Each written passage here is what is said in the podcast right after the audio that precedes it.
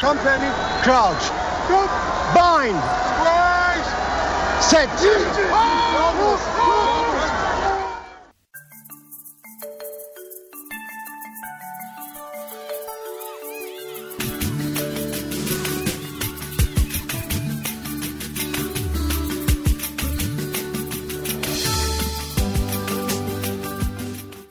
Vandag loer ons na ons helde van die Rugby Wêreldbeker van 1999.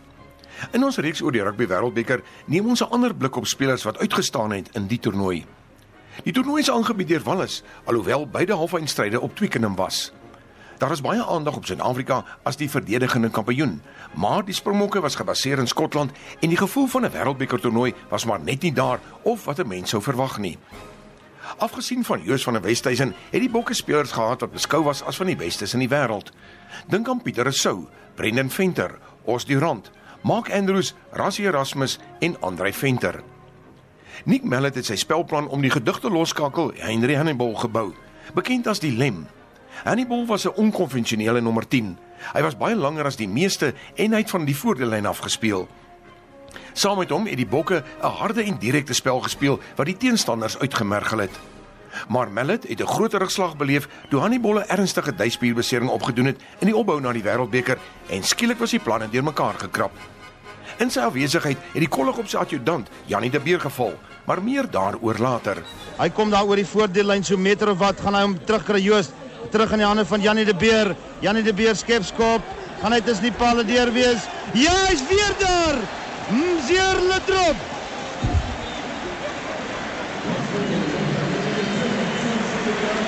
Die derde skepskop van Janie de Beer. Alle wêreld.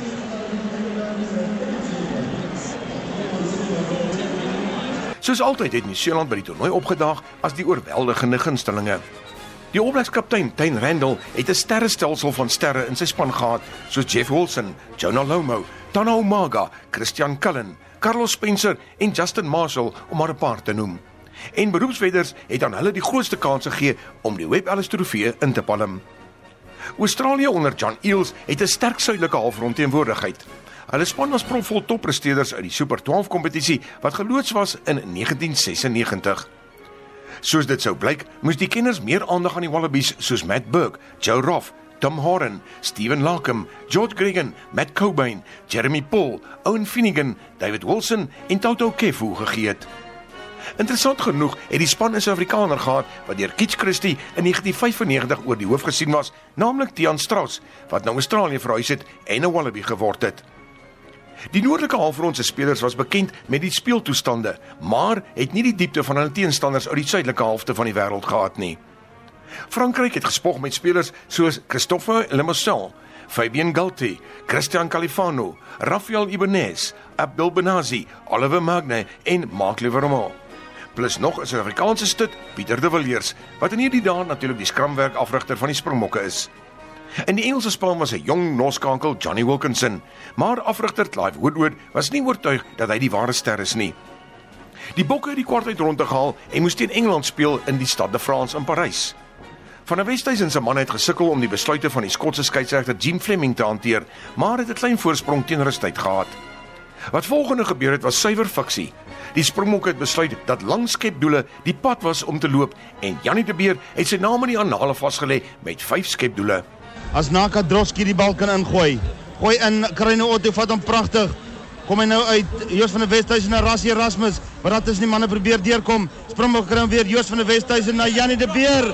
Janie de Beer skepskop. Gaan dit daar wees? Hy gaan daar wees. Hallo wêreld. Mzierle trop jou doring.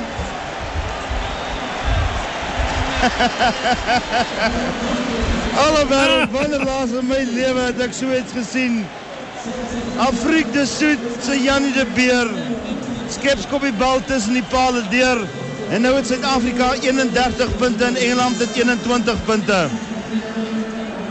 Dit is 'n rekord wat reeds 16 jaar staan en selfs tot op hierdie dag het niemand naby dit gekom nie, nie eens selfs 4 nie. Op daardie prestasie alleen kon De Beer die speler van die toernooi gewees het.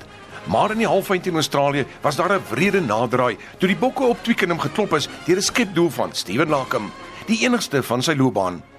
Die volgende dag is die All Blacks uit die toernooi geboener deur die onvoorspelbare Franse wat as een van die grootste wedstryde ooit in die Wêreldbeker gesien word. So dit was die Wallabies teen Frankryk in die Millennium Stadion in Cardiff in die laaste wedstryd. Dit het gelyk of die speler van die toernooi moet kom uit die geleedere van die triomfanklike Australiërs en daar was 'n aantal kandidate.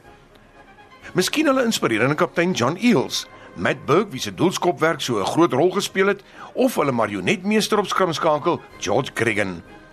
Op die ou end het al die media sonder om te stem 'n konsensus bereik oor 'n man wat nie 'n slegte wedstryd gespeel het nie en die verdediging die heeltyd onder druk geplaas het, naamlik die senter Tim Warren. Yeah, it was enjoyable. Obviously, a very tough game, and uh, you know South Africa really took it to us. And know, lucky enough in the end there, we got away with it. Hy en Jason Little het die beste middelveldbaan gevorm in wêreldrugby vir 'n aantal jare en sy invloed kon gesien word in die gedigte skakelpaar wat hy en Daniel Herbert gevorm het met Little se uittrede.